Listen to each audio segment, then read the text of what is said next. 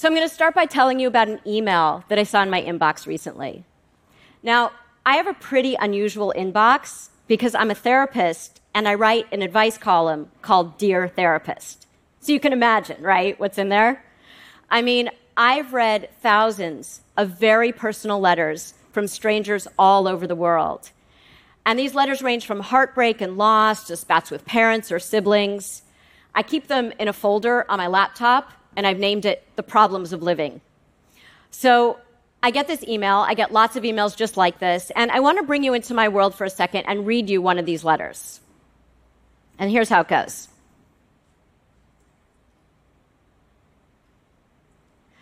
Dear therapist, I've been married for 10 years and things were good until a couple of years ago. That's when my husband stopped wanting to have sex as much, and now we barely have sex at all. I'm sure you guys were not expecting this. Well, last night I discovered that for the past few months, he's been secretly having long late night phone calls with a woman at his office. I Googled her, and she's gorgeous.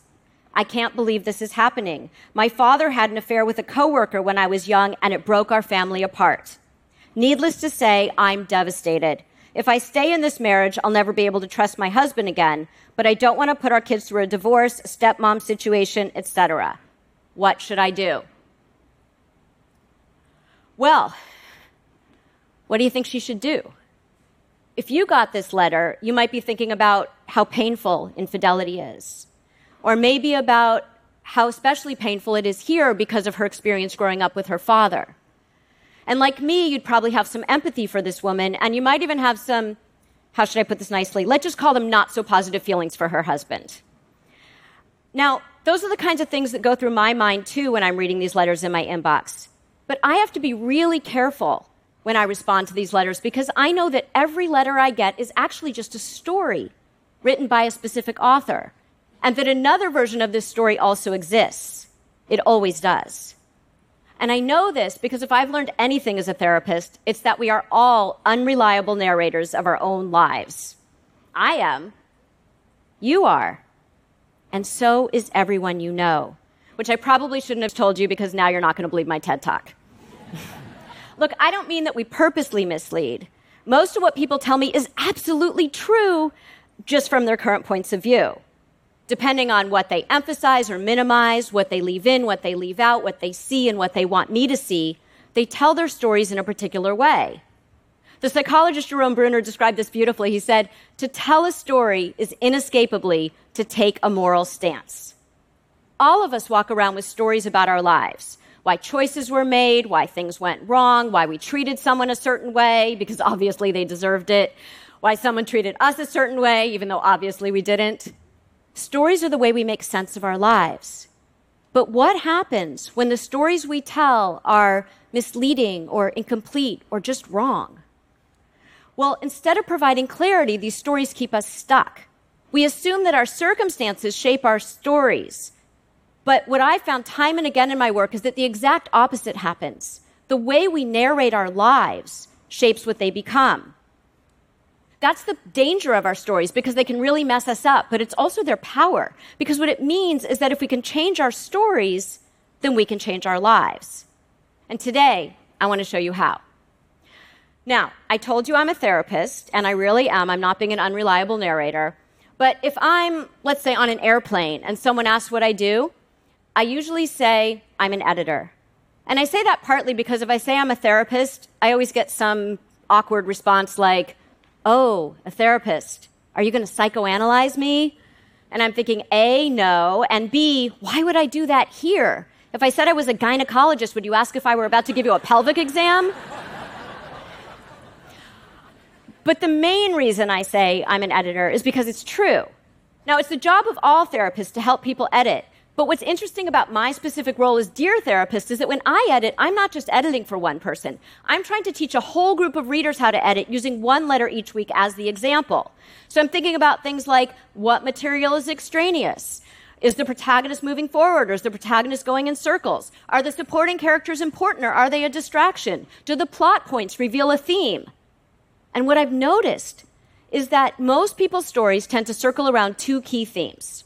The first is freedom, and the second is change. And when I edit, those are the themes that I start with. So let's take a look at freedom for a second. Our stories about freedom go like this We believe, in general, that we have an enormous amount of freedom, except when it comes to the problem at hand, in which case suddenly we feel like we have none. Many of our stories are about feeling trapped, right? We feel imprisoned by our families, our jobs, our relationships, our pasts. Sometimes we even imprison ourselves with a narrative of self flagellation. I know you guys all know these stories. The everyone's life is better than mine story, courtesy of social media. The I'm an imposter story. The I'm unlovable story. The nothing will ever work out for me story. The when I say, hey Siri, and she doesn't answer, that means she hates me story. Huh, I see you. See, I'm not the only one. The woman who wrote me that letter, she also feels trapped. If she stays with her husband, she'll never trust him again, but if she leaves, her children will suffer. Now, there's a cartoon that I think is a perfect example of what's really going on in these stories. The cartoon shows a prisoner shaking the bars, desperately trying to get out. But on the right and the left, it's open. No bars. The prisoner isn't in jail. That's most of us. We feel completely trapped, stuck in our emotional jail cells. But we don't walk around the bars to freedom because we know there's a catch. Freedom comes with responsibility. And if we take responsibility for our role in the story, we might just have to change. And that's the other common theme that I see in our stories change. Those stories sound like this A person says, I want to change. But what they really mean is, I want another character in the story to change. Therapists describe this dilemma as if the queen had balls, she'd be the king. I mean, it makes no sense, right? Why wouldn't we want the protagonist, who's the hero of the story, to change? Well, it might be because change, even really positive change, involves a surprising amount of loss loss of the familiar. Even if the familiar is unpleasant or utterly miserable, at least we know the characters and setting and plot, right down to the recurring dialogue in this story. You never do the laundry. I did it last time. Oh, yeah, when? There's something oddly comforting about knowing exactly how the story's going to go every single time. To write a new chapter is to venture into the unknown. It's to stare at a blank page. And as any writer will tell you, there is nothing more terrifying than a blank page. But here's the thing once we edit our story, the next chapter becomes much easier to write. We talk so much in our culture about getting to know ourselves, but part of getting to know yourself is to unknow yourself, to let go of the one version of the story you've been telling yourself so that you can live your life and not the story that you've been telling yourself about your life. And that's how we walk around those bars. So I want to go back to the letter from the woman about the affair. She asked me what she should do. Now, I have this word taped up in my office ultra crepidarianism, the habit of giving advice or opinions outside of one's knowledge or competence. It's a great word, right? You can use it in all different contexts. I'm sure you guys will be using it after this TED Talk. I use it because it reminds me that as a therapist, I can help people to sort out what they want to do, but I can't make their life choices for them. Only you can write your story, and all you need are some tools. So, what I want to do is, I want to edit this woman's letter together right here as a way to show how we can all revise our stories. And I want to start by asking you to think of a story that you're telling yourself right now that might not be serving you well. It might be about a circumstance you're experiencing, it might be about a person in your life, it might even be about yourself. And I want you to look at the supporting characters. Who are the people who are helping you to uphold the wrong version of this story? For instance, if the woman who wrote me that letter told her friends what happened, they would probably offer her what's called idiot compassion. Now, in idiot compassion, we go along with the story. We say, You're right, that's so unfair when a friend tells us that he didn't get the promotion he wanted, even though we know that this has happened several times before because he doesn't really put in the effort and he probably also steals office supplies. We say, yeah, you're right, he's a jerk when a friend tells us that her boyfriend broke up with her, even though we know that there are certain ways she tends to behave in relationships, like the incessant texting or the going through his drawers, that tend to lead to this outcome we see the problem. It's like if a fight breaks out in every bar you're going to, it might be you. in order to be good editors, we need to offer wise compassion, not just to our friends, but to ourselves. This is what's called, I think the technical term might be, delivering compassionate truth bombs. And these truth bombs are compassionate because they help us to see what we've left out of the story. The truth is, we don't know if this woman's husband is having an affair, or why their sex life changed two years ago, or what those late night phone calls are really about. And it might be that because of her history, she's writing a singular story of betrayal, but there's probably something else that she's not willing to let me in her letter, or maybe even herself, to see. It's like that guy who's taking a Rorschach test. You all know what Rorschach tests are? A psychologist shows you some ink blots, they look like that, and asks, What do you see? So the guy looks at his ink blot and he says, Well, I definitely don't see blood. And the examiner says, All right, tell me what else you definitely don't see. In writing, this is called point of view. What is the narrator not willing to see? So, I want to read you one more letter. And it goes like this Dear therapist, I need help with my wife.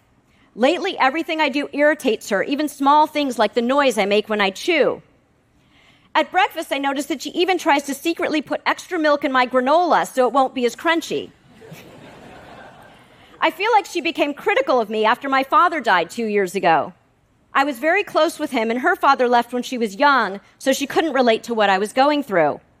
There's a friend at work whose father died a few months ago and who understands my grief. I wish I could talk to my wife like I talk to my friend, but I feel like she barely tolerates me now. How can I get my wife back? Okay. So, what you probably picked up on is that this is the same story I read you earlier, just told from another narrator's point of view. Her story was about a husband who's cheating. His story is about a wife who can't understand his grief. But what's remarkable is that for all of their differences, what both of these stories are about is a longing for connection. And if we can get out of the first person narration and write the story from another character's perspective, suddenly that other character becomes much more sympathetic and the plot opens up. That's the hardest step in the editing process, but it's also where change begins. What would happen if you looked at your story and wrote it from another person's point of view? What would you see now from this wider perspective? That's why when I see people who are depressed, I sometimes say, You are not the best person to talk to you about you right now. Because depression distorts our stories in a very particular way, it narrows our perspectives. The same is true when we feel lonely or hurt or rejected. We create all kinds of stories distorted through a very narrow lens that we don't even know we're looking through. And then we've effectively become our own fake news broadcasters. I have a confession to make. I wrote the husband's version of the letter I read you. You have no idea how much time I spent debating between granola and pita chips, by the way. I wrote it based on all of the alternative narratives that I've seen over the years, not just in my therapy practice, but also in my column. When it's happened that two people involved in the same situation have written to me, unbeknownst to the other, and I have two versions of the same story sitting in my inbox. That really has happened. I don't know what the other version of this woman's letter is, but I do know this. She has to write it. Because with a courageous edit, she'll write a much more nuanced version of her letter that she wrote to me, even if her husband is having an affair of any kind, and maybe he is. She doesn't need to know what the plot is yet. Because just by virtue of doing an edit, she'll have so many more possibilities for what the plot can become. Now, sometimes it happens that I see people who are really stuck and they're really invested in their stuckness. We call them help rejecting complainers. I'm sure you know people like this. They're the people who, when you try to offer them a suggestion, they reject it with, yeah, no, that'll never work because, yeah, no, that's impossible because I can't do that. Yeah, I really want more friends, but people are just so annoying. what they're really rejecting is an edit to their story of misery and stuckness. And so with these people, I usually take a different approach. And what I do is I say something else. I say to them, We're all going to die. I'll bet you're really glad I'm not your therapist right now. because they look back at me the way you're looking back at me right now with this look of utter confusion. But then I explain that there's a story that gets written about all of us eventually. It's called an obituary. And I say that instead of being the authors of our own unhappiness, we get to shape these stories while we're still alive. We get to be the hero and not the victim in our stories. We get to choose what goes on the page that lives in our minds and shapes our realities. I tell them that life is about deciding which stories to listen to and which ones need an edit, and that it's worth the effort to go through a revision because there's nothing more important to the quality of our lives than the stories we tell ourselves about them. I say that when it comes to the stories of our lives, we should be aiming for our own personal Pulitzer Prize. Now, most of us aren't help rejecting complainers, or at least we don't believe we are. But it's a role that is so easy to slip into when we feel anxious or angry or vulnerable. So the next time you're struggling with something, remember, we're all going to die. and then pull out your editing tools and ask yourself, what do I want my story to be? And then go write your masterpiece. Thank you.